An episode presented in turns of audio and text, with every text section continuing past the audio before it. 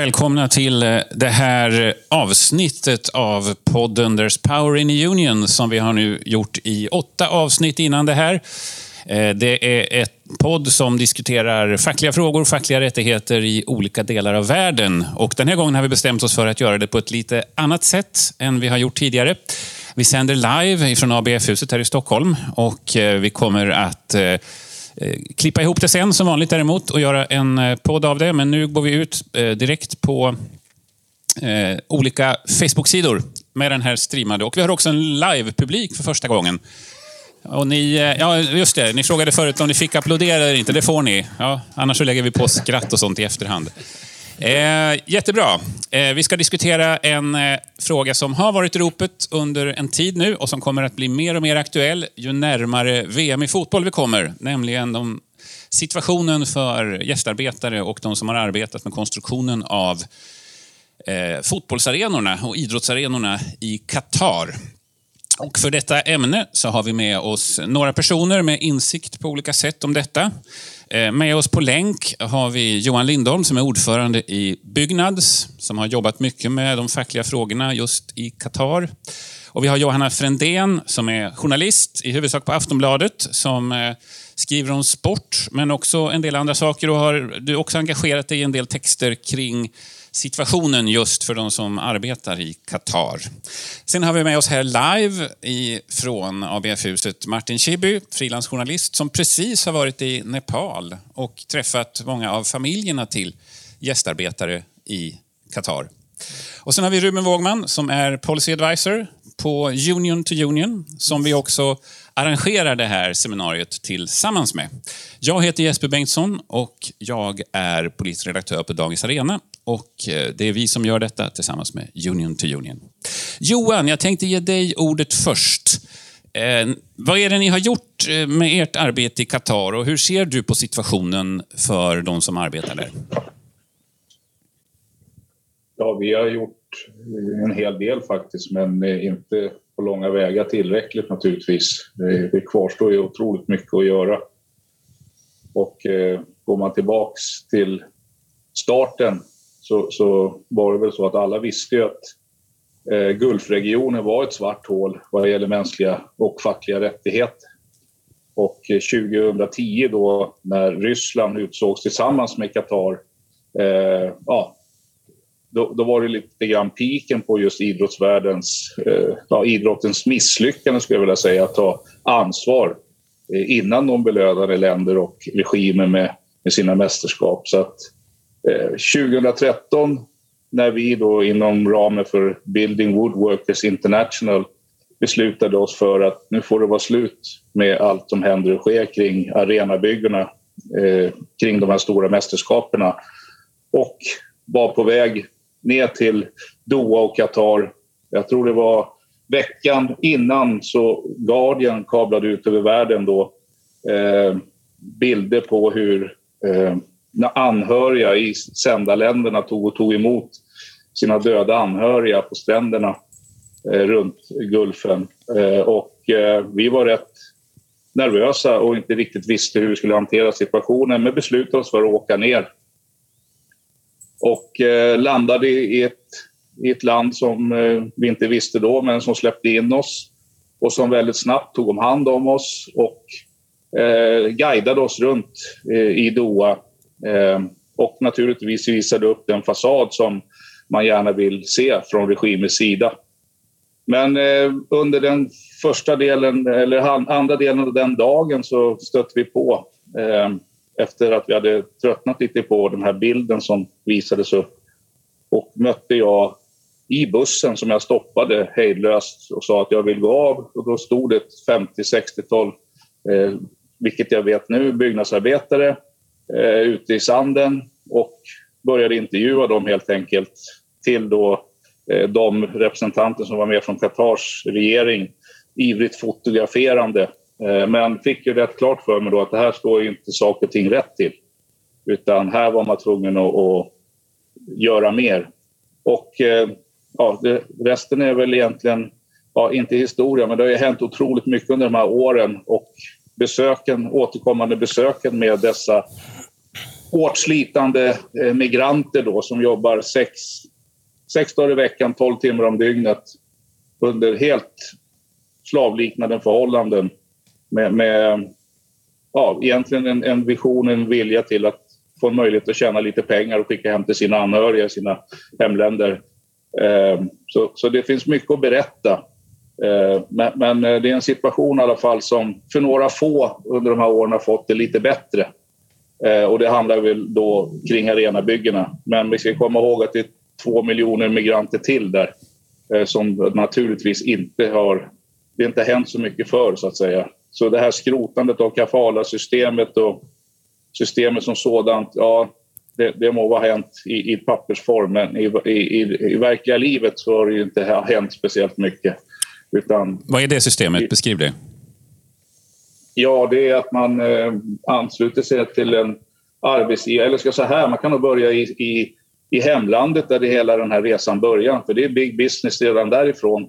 Det är inte så enkelt som att slå upp Dagens Nyheter på morgonen och se en, en tjusig bild av ett växande Qatar där man då eh, ska då uppfylla sina drömmar, visioner och, och tjäna eventuellt pengar. Eh, utan man får köpa sig den här biljetten själv av såna här skrupellösa jobbmäklare, brukar jag säga, eh, redan eh, innan man reser iväg. Eh, och väl på plats där så fråntas man sina pass eh, och man blir då kopplad till en lokal byggare eller någon då som finns på plats som man då under två år är inlåst hos. Eh, och med det då, och med det som säkert kommer att komma ur den här berättelsen här nu, eh, väldigt mycket tragiska människor då som unga människor med kanske nyfödda barn i sina hemländer, vuxna nära och kära som man trodde man skulle kunna sända hem lite pengar till, inte blir av. Utan det mesta handlar om att överleva Eh, och, och, hitta en väg ut, så att säga, tillbaka. Men, men som sagt var, många gånger så stämplas man inte in i landet förrän det passar den här arbetsgivaren. Det vill säga att det kan bli både två, tre, fyra, fem år innan man överhuvudtaget får en möjlighet att återse sina anhöriga. Mm. Eh, vi ska återkomma lite till det där systemet eh, längre fram i diskussionen. Men vad tror du du, du pratar ju om några framsteg ändå. Är det din bild att det går att förändra situationen i ett sånt här land som ändå är så icke-demokratiskt och slutet på många sätt? Nej, det är naturligtvis en förhoppning om att allt det slit som görs, och det är inte bara vi inom Byggnads och BVI som, som står för det, utan det har ju skapats ett tryck nu, ett momentum som jag hade önskat hade varit på plats redan 2013 naturligtvis. Eh, det är ju år av eh, under radarn-jobb, det vill säga undercover med, med medtagna journalister, eh, jurister, uppbyggnad av kontor i Doha. Och så kan man komma ihåg, det är ett land då naturligtvis där fackföreningar är förbjudna, man inte får organisera sig. Mm. Vi har gjort en massa sådana insatser och då hela tiden också varit i kontakt med den katarska regimen och ja, som det ser ut just nu så börjar fler och fler vakna. Eh, och, och eh, vår förhoppning är att man inte bara ska få till någonting bra här i slutet nu utan att man också orkar tänka efter spelen. Mm. Eller efter fotbolls-VM. Mm. Ruben, eh, vad säger du? Går det att eh, förändra en sån här situation? Ja, men man kan säga inledningsvis att Union to Union jobbar ju tillsammans med en rad svenska fackförbund och fackförbund i flera låg och medelinkomstländer. Bland annat Byggnads också då, som är ett av de förbund som vi samarbetar med.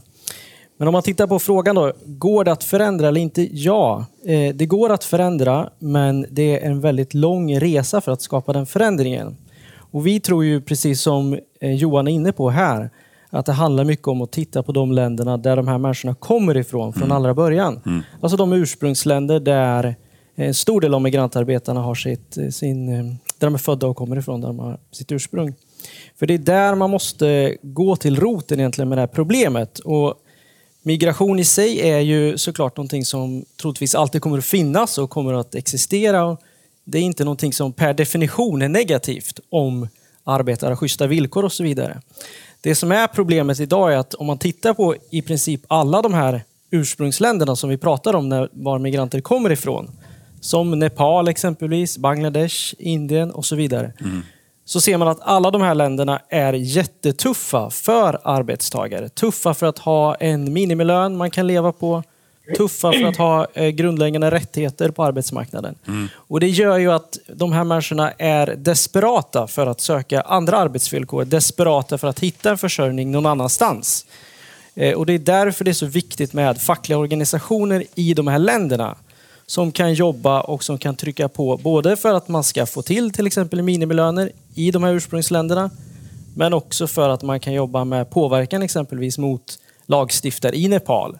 Eh, och det har vi flera exempel på hur vi eh, tillsammans med svenska fackförbund och fackförbund i till exempel Nepal, eh, Gefont är ett sådant exempel, en facklig centralorganisation i Nepal som Union to Union jobbar med tillsammans med LO och TCO där man jobbar med det här. Att ta emot migrantarbetare som har varit i exempelvis Qatar, utbilda dem så att de känner till vad händer nu efteråt. Kan vi ta vara på det, de erfarenheter vi haft?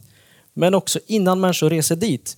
För kort bara, det som Johan säger är ju Eh, också väldigt viktigt att trycka på, den här informationen man har innan man reser ner till Qatar. Eh, ibland så har man en viss kunskap och många gånger dessvärre så får man en helt felaktig kunskap. Alltså man får en annan information om vad det gäller gällande löner, eh, gällande vad man förväntas göra för en arbetsuppgift och så vidare. Så att vi tror att poängen där är jätteviktigt att ha ett arbete som handlar om ursprungsländerna. Och där så är det faktiskt inte så många organisationer eller så mycket krafter som läggs på att stötta de här arbetstagarna i ursprungsländerna. Och internationellt fackligt bistånd är en av de delarna som jobbar just med det. Och därför är det så otroligt viktigt att vi har den aspekten med. Att det kan finnas någon typ av internationellt stöd som jobbar mer långsiktigt också. Inte bara, om jag får vara krass, lägger plåster på såren. Det är enormt viktigt i arbetet som sker i Qatar. Men det är i slutändan bara toppen på ett isberg. Vi har två miljoner eh, människor som arbetar i Qatar. 10 miljoner exempelvis om vi tittar i Saudiarabien närliggande. Eh, 2 miljoner i Malaysia och så vidare. Så att, ja, ni förstår, vi måste komma ner till eh, grundorsaken också till det här problemet. Och vi ska återkomma till situationen, i, inte minst i Nepal, där Martin har varit. Men först tänkte jag fråga Johanna, du skrev en artikel ganska nyligen om det här, där du diskuterade fotbollsförbundens ansvar. Och eh, du skrev bland annat också den ganska förfärande siffran då, 6 500 döda under tio år ungefär, Eh, om jag minns rätt. Men, men vad är din förklaring till att Qatar överhuvudtaget har fått fotbolls-VM?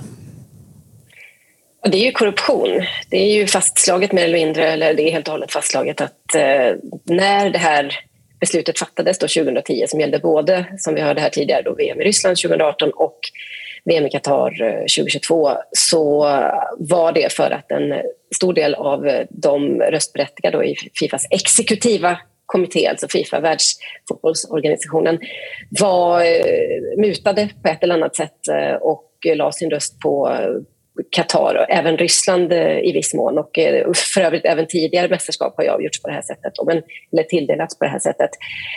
Men i, i det här fallet så handlade det om det. Och en otroligt stark lobbying såklart från Qatars sida. Och så tror jag att man kan lägga till också det som hänt sedan dess. Att, att Qatar som eh, stat har liksom investerat väldigt mycket i framförallt den eh, europeiska klubbfotbollen. Så att eh, de har blivit en, en närvarande mm, lirare på något sätt i, och folk höjer inte så mycket på ögonbrynen längre. Det var, det var en chock när beskedet kom 2010 men nu så kan man väl säga att den här sportswashingen har lyckats ganska så bra. Qatar är väldigt närvarande överallt. Men skälet till att det gick till ett, ett litet, som vi skulle kalla det, ett olje emirat utan någon fotbollstradition, eh, det handlar om köpta röster och det är fastslaget. Det kom fram i den här stora Fifa-skandalen 2015 och sen så har det beslutet legat kvar trots att det är väldigt lätt att argumentera för att det inte är legitimt på något sätt. Men eh, Fifa ansåg att eh, även när man liksom startade om på nytt och valde en ny,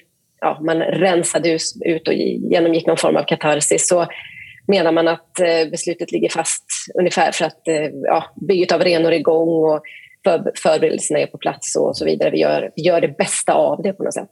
Men har, eh, och det, det, ja, det är ju den stora frågan, hur mm. det, varför det beslutet ligger kvar. Men skälet är, är att det har för, förekommit olaglig eh, verksamhet och eh, mutor och så vidare. Mm. Eh, men det är en aktiv diskussion i fotbollsvärlden om villkoren för arbetarna, eller hur? Det har varit en fråga i, under de här åren som har gått sedan eh, Qatar fick mästerskapen. Absolut, och det är ju väldigt mycket tack vare eh, de här fackföreningarna och ILO till viss del som driver på frågan och såklart en hel del organisationer av typen Amnesty som varifrån jag fick den här siffran då, Eh, 6500. Jag vet att The Guardian har gjort en enskild eh, också undersökning där man har landat där någonstans. Så att, att frågan har kommit upp på bordet handlar ju väldigt mycket om att eh, fackföreningar och eh, eh, olika organisationer som jobbar för mänskliga rättigheter har tagit upp den och sen har det spridit sig, absolut. Eh, det finns en hel del fotbollsspelare och en hel del landslag som har markerat avstånd på ett eller annat sätt.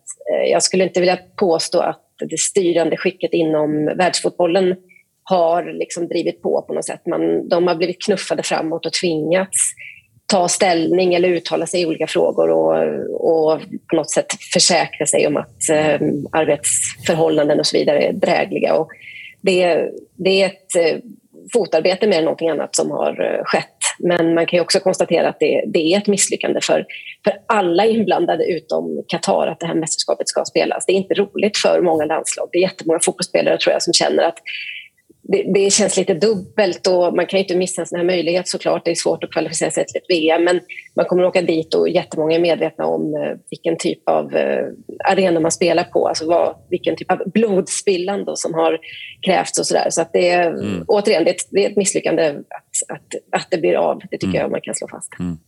Eh, vad säger ni andra här? För det är klart att det finns ju en aspekt här också att det då har gett en möjlighet att påverka. Det har ju sällan lyckats, ska jag säga. OS i Kina pratar man mycket om 2008, att det skulle vara en möjlighet att påverka utvecklingen i olika riktningar. Men det har snarast gått i helt motsatt riktning sedan dess, med alla de områden som man fokuserade på då. Men här verkar det ändå som att det har hänt vissa saker med de arbetsrättsliga frågorna och arbetsmiljö och sådär. Borde Qatar fått det här VMet eller borde de inte ha fått det? Vad säger, vad säger ni andra här och vad säger Johan eller, ja, eller Johanna? Fast du lät mest negativ.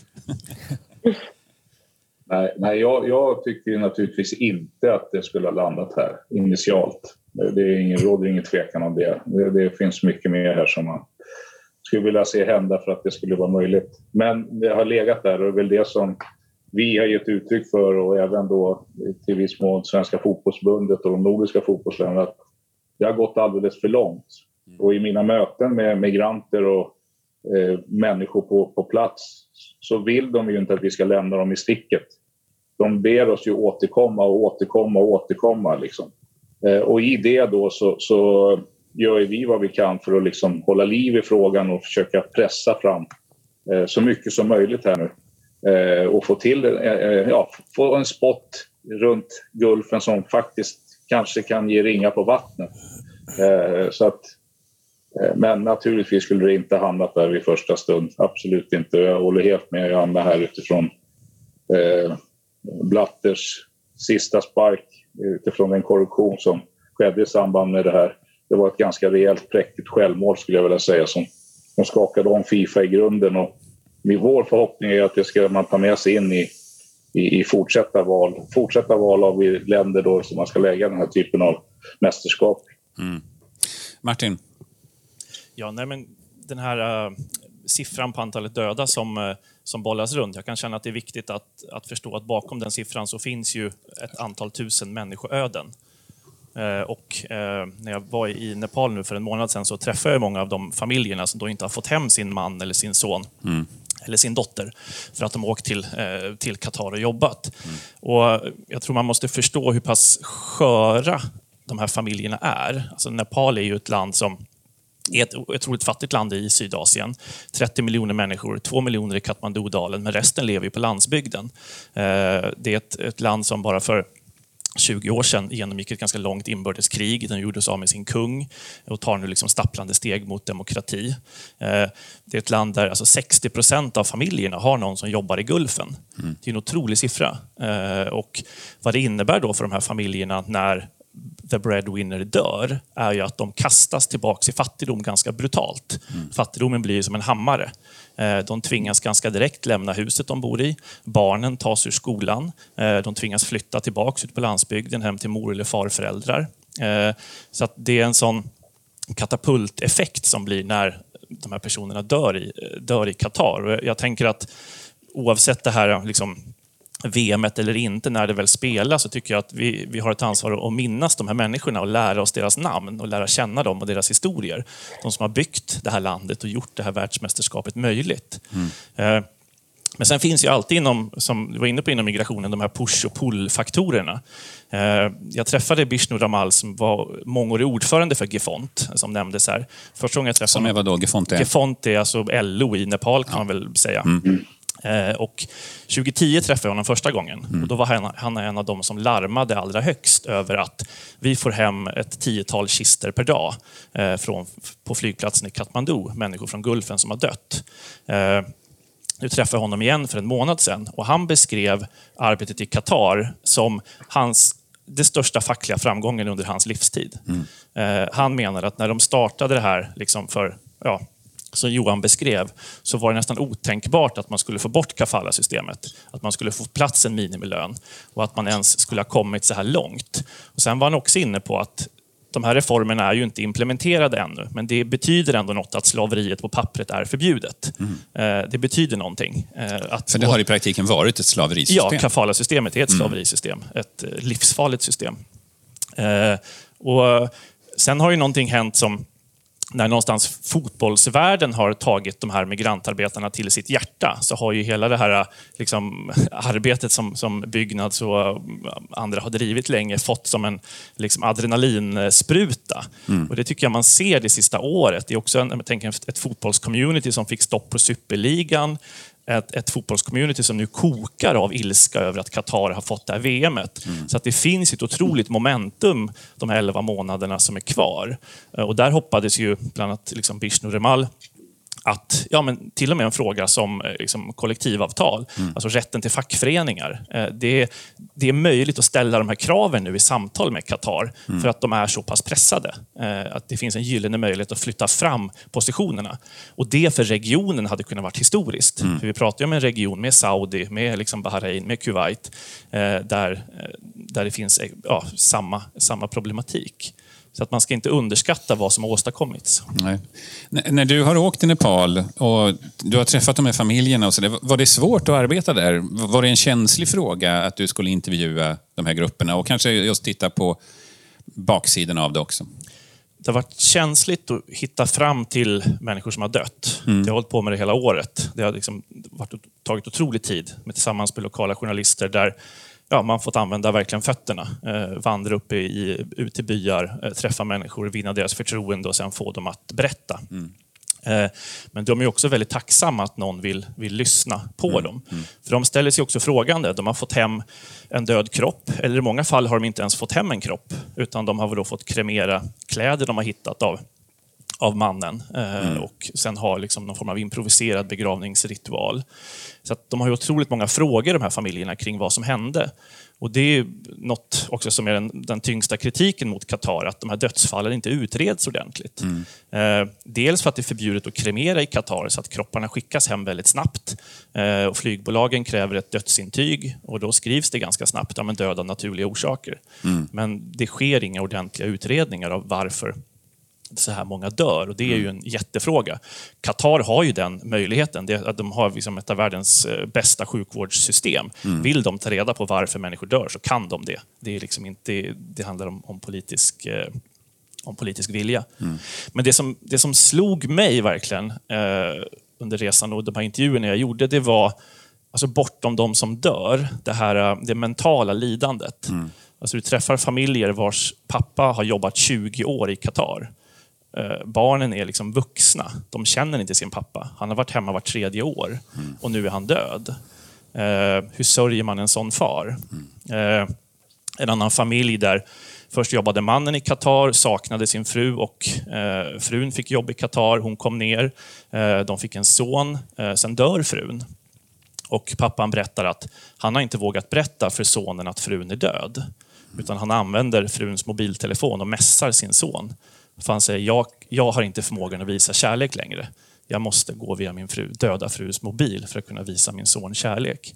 Alltså det, det, no, det finns ett, ett, ett, mentalt lidande i det här migrantarbetet. Eh, mm. Att så pass, vara borta så länge från sina familjer. Och Det leder också till en våg av självmord. Mm. Både i Qatar, otroligt många som tar livet av sig, och också när de har kommit hem till Nepal, tar livet av sig. Eh, det, det, var nytt för mig under den här resan. Det, mm. det mentala lidandet som den här gruppen utsätts för. De som inte då dör i olyckor. Mm. Eh, vad säger Ruben och Johan, är det här bilden ni känner igen från ert eget arbete? Jag får gåshud, alltså jag mår inget bra alls. När Martin berättar, han bekräftar ju hela det, det som vi själva har mött. Det är ju fruktansvärt. Och jag har ju mött då personerna i Doha, eller ute på de här äh, accommodations, då, stora läger, 45 upp till 70 000 migrantarbetare som bor då i, i undermåliga bostäder och nattetid och fått lyssna till det som Martin berättar om. Men, men där har det varit omvänt. Här, här vill man ju bara lämna och åka hem. Man vill ju bara hitta någon väg hem och berätta väldigt mycket hemska historier om bland annat då att man själv får tillsammans med sina arbetskamrater och samla ihop pengar för att få ihop till de här träkistorna som är väldigt spartanska. Eh, för det är ingenting som vare sig landet eller eh, arbetsgivaren då som man är, är fastlåst med hjälper till med utan det här får man göra själv. Eh, och som sagt jag behöver inte förstärka det Martin säger men det här med att man inte vill bli betraktade som djur utan som människor det återkommer ju hela tiden.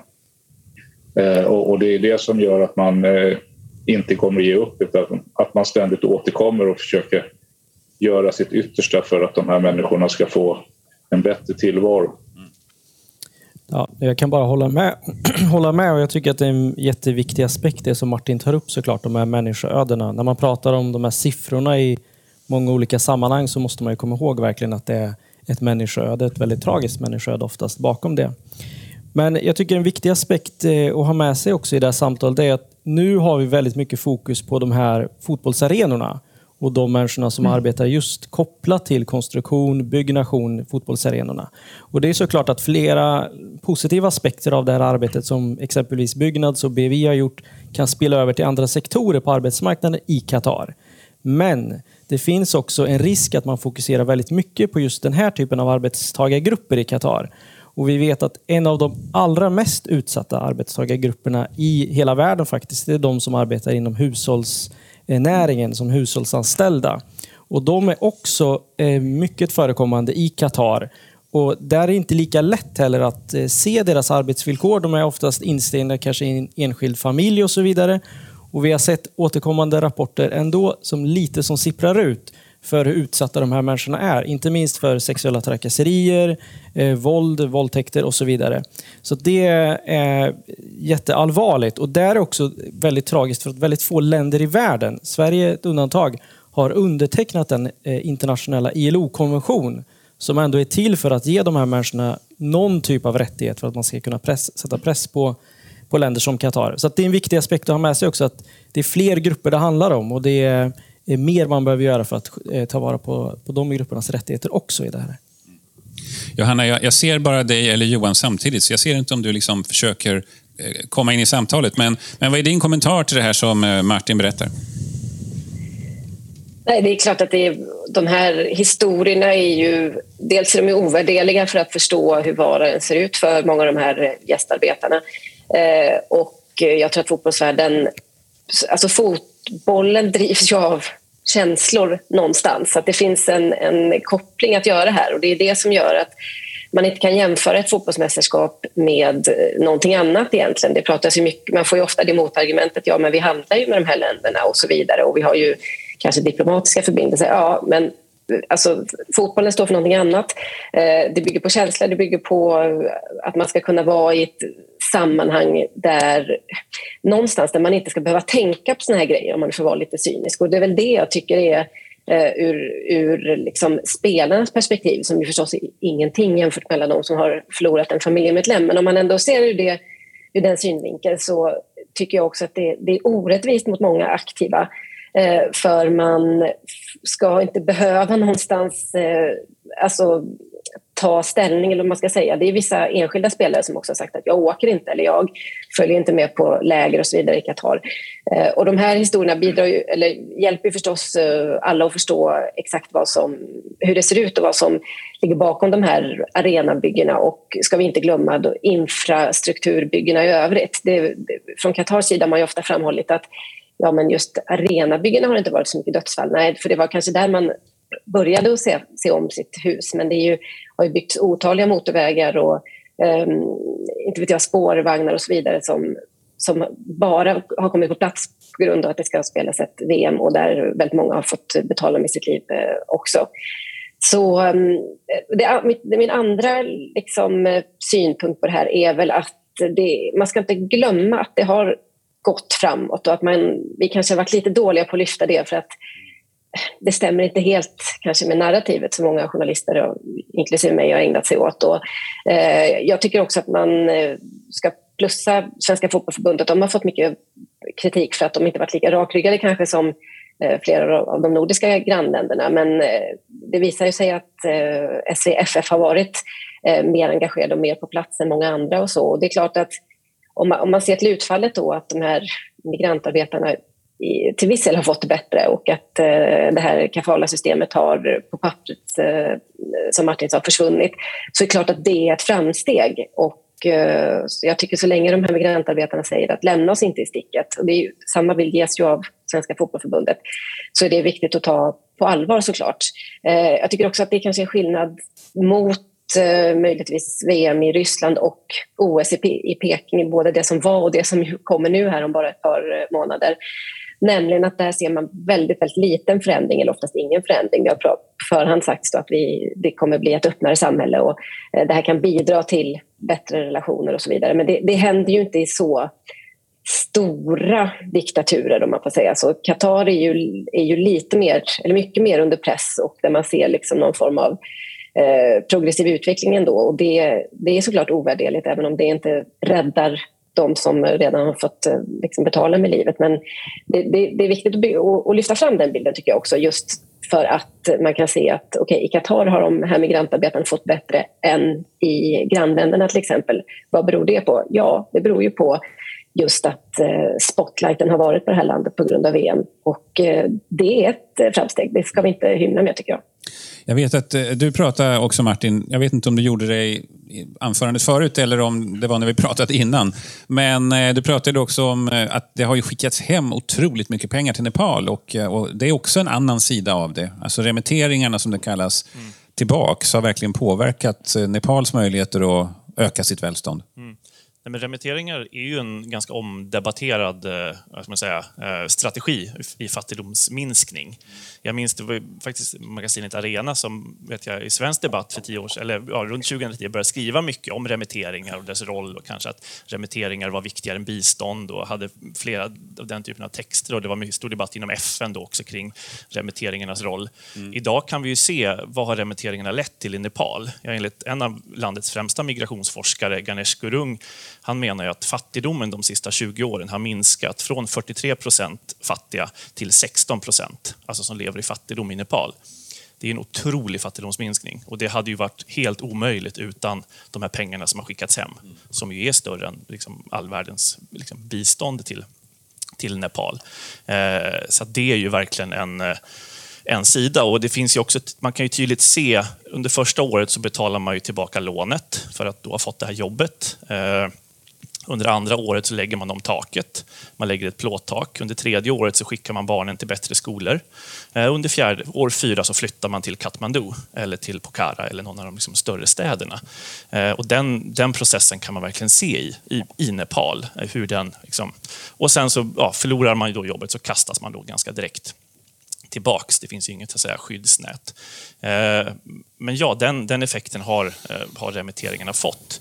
Det är också så att ingen får ju, i alla fall i Nepal, längre betalt i cash. Utan det är ganska hårt reglerat nu eh, att du måste ha ett, liksom ett digitalt bankkonto, du får in din lön där. Träffade du en nepalesisk arbetare så kunde du slå in hans eller hennes passnummer på det nepalesiska utrikesdepartementets hemsida. Och då kunde du få upp det kontrakt de hade i Nepal. Anställningstid, startdatum, slutdatum, minimilön, på vilket, vad du var anställd som och så vidare. Och det är ju nytt, alltså den transparensen. Och det säger ju Nepals politiker, det, vi vill få bort skojarna, vi vill få bort de här rekryteringsfirmorna som påstår att du måste betala för visum, du måste betala för det här och det här. Vi måste få bort dem och då är enda sättet transparens och, och kunskap. Men sen vill man ju inte målet för politikerna i Nepal är att skicka utbildad arbetskraft. Man vill ju skicka mätingenjörer, man vill skicka liksom, skickliga, eh, eh liksom inte eh, ja, bara outbildad arbetskraft. Eh, så det är ju det man också försöker göra, att, så att, säga, att höja utbildningsnivån i, i landet. Så att, ja, det, det pågår mycket även eh, på den, eh, på den, på den sidan som, som vi kanske också eh, måste se.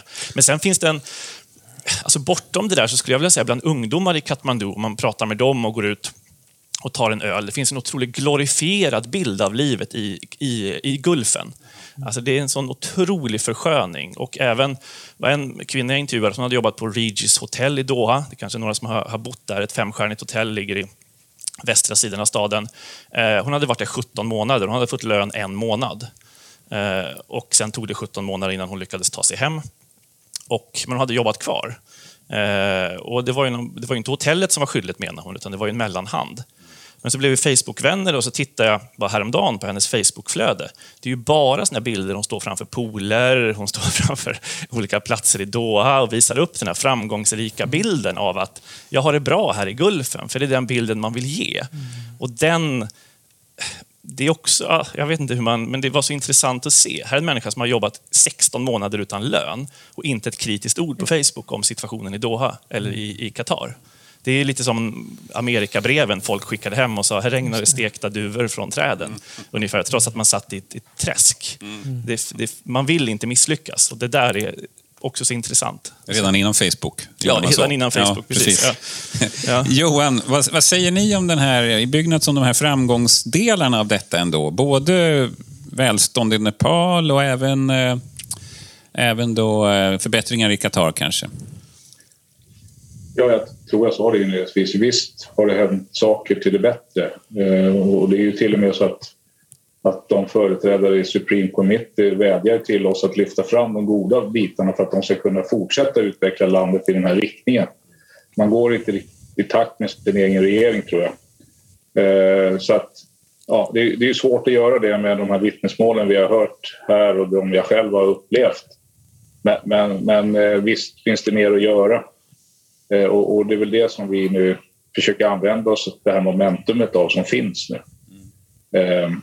Men eh, jag, jag, kan, jag går tillbaka lite kring det här som eh, Ruben var inne på, det här med hushållsarbete. Och, och, och jag kan säga att jag har ju väldigt många sådana möten också. Och det går, tåls inte ens att berätta här utifrån vad de kvinnorna har blivit utsatta för. Eh, jag pratar om sex dagar, 12 timmar om dygnet för byggnadsarbetare eller för de migranter jag träffar. Här pratar vi dygnet runt. Eh, de är i en helt annan situation och utnyttjar, utnyttjade inte bara ja, framförallt sexuellt, eh, men, men mycket annat också eh, som, som inte hör hemma i, i, en modern, i ett modernt land. Så att, vi jobbar ju väldigt hårt nu och försöka få med oss HRF här hemma och Handels och flera andra då utifrån deras guffar runt om i världen så att vi kan sprida det här och hjälpa varandra och kanske förmedla då kontakter och annat så att vi fortsätter både före, under och, och kanske viktigast efter spelen och, och fortsätta hålla trycket uppe. Liksom. Mm. Du beskrev ju förut här att fackföreningar är förbjudna i Qatar och mm. vi har hört här från andra hur man, de försöker dölja antalet som faktiskt dör på arbetsmarknaden. Hur är det för er att ha kontakt med Qatar och jobba mot eh, parter och myndigheter där nere? Går det överhuvudtaget att göra? Du är där ganska ofta säger du, men, men hur är kontakten? Ja, men alltså, det har varit bra och det har varit liksom en vilja av att eh, visa att man har stora öron och lyssnar. Det, det ska man inte ta ifrån. Det, det, det finns det där. Eh, men, men, eh, att gå därifrån till att faktiskt få till den här förändringen som krävs, det är ju lite si och så. Men sista tiden, och det är väl alla här uppsjungna på, det är ju att man eh, tack vare att nu trycket kanske aldrig, eller momentumet som vi säger, aldrig har varit så hårt just på Qatar nu, så är ju hotbilder och eh, eh polis och annat nu som via kameraövervakning eh, du sätter enorm press på migranterna. Eh, det var inte så långt, många veckor sedan man plockade utrustning från norska journalister då, som skulle intervjua eh, representanter som har suttit i det här Supreme Committee och så vidare och så vidare. Så det blir svårare för oss och, och kanske om det var svettigt tidigare att åka dit så så kanske det blir ännu jobbigare eh, nu framöver. För jag, jag, tror att det här trycket som nu sponsorer och, och, fans och fotbollslandslag och alla nu skapar gör ju att de har kanske aldrig varit under sånt här tryck i, i landet tidigare. Ruben? Nej, men jag tänker en sak som har hänt också som är viktig och som Johan om någon känner till men som är viktigt för publiken med. Det är ju att organisationer som GEFON till exempel har jobbat med så kallade stödgrupper i länder som Qatar. Där de är inte riktiga fackföreningar men det är en typ av föreningar som ändå gör att arbetstagare i det här landet, i den här kontexten, kan komma samman och diskutera ändå och till viss del kanske få, få rättslig hjälp om de åker, råkar illa ut exempelvis. Men sen en annan viktig poäng är att även om det är så att du har möjlighet till viss del att gå samman i Qatar så ska man komma ihåg att den fackliga erfarenheten för många människor som reser dit är ju väldigt låg. Och du var inne på det också att många kanske kommer ifrån landsbygden och har inte en hög utbildningsnivå och så vidare. Och en annan aspekt är att i många av de här länderna som människor kommer ifrån, där är ju inte de grundläggande Eh, konventionen i arbetslivet heller ratificerade av deras stater. Det vill säga eh, eh, konvention 87 till exempel om rätten att organisera sig i en fackförening. Det har nästan inget av de här länderna gått med på. Så att vi, även från början är det väldigt svårt för människor att ställa krav även när man kommer dit, även om det skulle vara möjligt att gå med i en förening. Det tror jag är viktigt att ha med sig i den här diskussionen. Eh, nu, nu, är det 11 månader som ni säger. Ah, förlåt, Martin Nej, först. Men jag tänkte just Qatar utsätts ju för tryck nu och uh, har reformerat en del lagar. Men det är så intressant att se, jag tänkte det Johan nämnde, det norska tv-teamet, hur ändå den här diktaturen agerar under, under tryck. Att det är ju inte så att man nu tänker, ja men nu släpper vi in journalister, nu Alltså, det är ändå oerhört att, att gripa ett, ett norskt tv-team, beslata deras utrustning. Eh, man har ju också gett sig på eh, Abdullah Abahis som ju var liksom en Fifa-tjänsteman i Qatar och som eh, vid en strejk där ett antal arbetare gick ut eh, då man försökte mörka att det här hade någon koppling till VM. Ja, så var han väldigt kritisk mot det. Mot honom har man då haft en, en rättegång där man anklagar honom för korruption och andra saker. Han har dömts till ett antal års fängelse. Eh, nu menar ju norska journalister som har utrett rättegången att det handlar om hans kritik mot hur man har hanterat migrantarbetares situation. Han hungerstrejkar ju just nu i Qatar. Och det, alltså det här är en av deras egna någonstans alltså som, som har, har slagit larm. Eh, och det är oerhört illavarslande att, eh, att Qatar reagerar så här när de är så pass, eh, så pass pressade. Och det gör ju också att riskerna, skulle jag vilja säga, att, eh, att utsätta migrantarbetare för saker är också ganska stor. Även nu om man som journalist åker och intervjuar någon så kan ju folk råka väldigt, väldigt illa ut eftersom man får räkna med att allt är, allt är övervakat just nu i, i Qatar. Så jag kan ju tänka att eh, journalistiskt så är det svårt att så att säga, tror att man kan avslöja någonting nu i Qatar som inte redan är skrivet och gjort. Det, det gjorde byggnads och, och journalistkollegor 2013, 14, 15, 16. De jag känner kommer undan är ju sponsorerna. Alltså Qatar är en diktatur, det vet vi. Men herregud, vi har Adidas, vi har eh, Coca-Cola, eh, vi har Budweiser. Hur ser de på sitt ansvar i allt det här liksom, som sker? De har ju sida upp och sida ner med olika policydokument om hur de ska liksom blaha, blaha, hantera olika eh, typer av frågor. Och jag känner att de kommer lite undan när vi har allt strålkastarljus, allt fokus, all eld liksom, mot Doha. Vi behöver liksom rikta om, också söka ljuset lite mot andra aktörer i den här eh, ja, mischmaschen. Eh, Johanna... Jag tillägga där? Ja, eh, ja precis. Nej, men det, jag tycker det är en otroligt bra poäng just det här med eh, sponsorerna. Det, är ju, det finns, tror jag, ett ett visst mått av eh, önskan att förlägga problemet i Qatar och skylla på att lite att de är oupplysta och där borta kan man bete sig hur som helst. Och så. Eh, precis som Martin säger, sponsorerna är ju stora eh, multinationella europeiska och amerikanska, ofta företag eller asiatiska.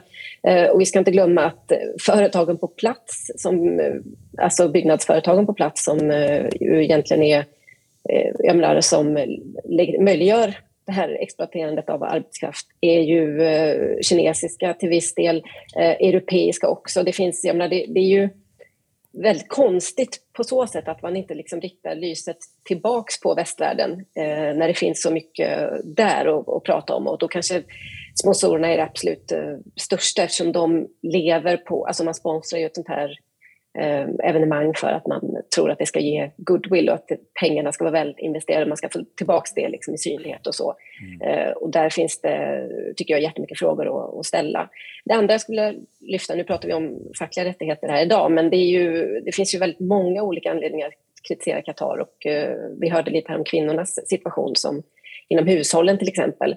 Eh, och man ska inte glömma det att eh, minoritet, sexuella minoriteter och kvinnor har inte fullvärdiga rättigheter i Qatar. Det, det, det, har lite grann försvunnit i debatten men jag tyckte det var väldigt bra häromdagen när flera svenska kvinnliga fotbollsspelare, Lotta Schelin bland annat, eh, lyfte den här frågan och sa att jag kan inte, vet inte om jag vill åka som expert till Qatar för i egenskap av homosexuell får jag inte finnas där.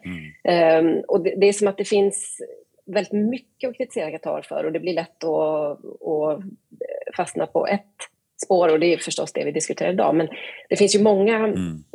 olika områden där det här är en, en väldigt tveksam arrangör. I, i fransk media pratar man faktiskt mycket om klimatpåverkan. Qatar är ett av de länderna, om inte det landet med störst eh, koldioxidutsläpp per capita. Och nu tror man ju också att det, det, här argumentet som har lyfts fram från Qatars arrangörens sida då, att det, det blir ett litet mästerskap, man kommer kunna ta sig mellan, alltså litet geografiskt då, mellan arenorna med eh, tåg och så vidare, visar sig att eh, priserna på hotellnätter och i Qatar kommer antagligen vara så höga så att många kommer flyga in från grannländer istället. Så att jag menar, det finns jättemånga aspekter man inte får glömma här och jag tror att eh, kvinnornas situation i vanlig ordning är, det är lätt att det hamnar lite i skymundan men det kanske är både de mest exploaterade och eh, den grupp som har svårast att göra sin, sin röst hörd helt enkelt. Mm. Det har ju talats lite om bojkott. Eh, I din artikel som jag refererade till förut så skrev du lite att det är svårt att lägga det på spelarna eller lagen, men kanske att förbunden borde göra någonting. Hur ser du på det där? Kan, eh, kan man bojkotta sig och liksom markera på det viset, eller vad är den bästa strategin för idrotten här? Alltså det är klart att en, en stor genomgripande global bojkott hade varit eh, alltså det är en utopi nu framförallt när det är så nära inpå. Men eh, hade den här diskussionen kommit igång, i alla fall inom fotbollsvärlden, lite tidigare så tror inte jag att det hade varit helt omöjligt. Det, det är mycket man tror inte är möjligt förrän det sker. Eh, vi pratade tidigare, eller Martin nämnde den här Super League som eh, skulle genomföras då i, härom, eller i år var det ju, massa stora internationella klubbar som skulle bilda en utbrytarliga och där sa ju supporterna nej, det här går vi inte med på och då blev det inte så. Och det det, så är det ju. Alltså man, man kan, supportrar har jättemycket makt här. Problemet är att landslagssupportrar är lite mindre investerade i sina lag än klubblagssupportrar. Det tror jag är skillnaden här. Därför så blir liksom inte en... en jag, menar, jag känner ju jättemånga som säger jag kommer inte titta på skiten eller jag skulle aldrig åka dit och så vidare. Eh, bojkott av förbund tror jag hade behövt vara en ganska rejäl för att det skulle ge någon effekt. Och jag, jag har faktiskt full förståelse för att enskilda idrottare inte vill göra, alltså, missa den här chansen, i alla fall om man känner att det ändå inte får någon effekt för att man är för få eller man är ensam om det. Um, det jag, jag, tror också att det, det tåget har gått lite grann, för nu är det mindre än ett år kvar och, och det här mästerskapet kommer ju spelas. Jag tror att vi får bara ställa, in, ställa oss in på det. Um, så att det enda man kan göra nu är att lyfta frågan så mycket som möjligt. Och, sen kan man ju, jag har ju för egen del bestämt att jag vill inte åka dit, för jag vill inte riskera att bli en del av av det här maskineriet. Jag skriver om fotboll framför, allt och det är det fokuset som kommer vara i de absolut flesta artiklar och det är det som kommer efterfrågas också. Och det, det är ett helt personligt val att jag känner att det är, det är svårt att, att åka som fotbollsreporter eller bevaka ett mästerskap och, och hela tiden lyfta problematiska saker. För i slutändan så vill folk faktiskt läsa om matchen och målgöraren och, och vinnaren och så vidare. Ja. Eh, så att, eh, ja, nej, jag, alltså bojkott, eh, jag tror att det är för sent eh, och jag tror att det är, det är inte just nu eh, något som man ska sikta in sig på, utan man får väl sänka ambitionsnivån, om man ska kalla det så, och istället se till att frågan hela tiden är på agendan och återigen sätta press på inte minst de västliga aktörer som, som är med på det här tåget, som sponsrare och som eh, skickar dit sina företag och tjänar jättemycket pengar på att eh, bygga de här, eh, den här infrastrukturen och arenorna. Det kanske inte är ett fönster på 11 månader egentligen. Jag minns just från OS 2008 i Kina att när det var ungefär ja, en, två månader kvar till mästerskapet, då försvann alla sådana här diskussioner. För då blev det helt fokuserat på det som det var till för, så att säga, idrotten.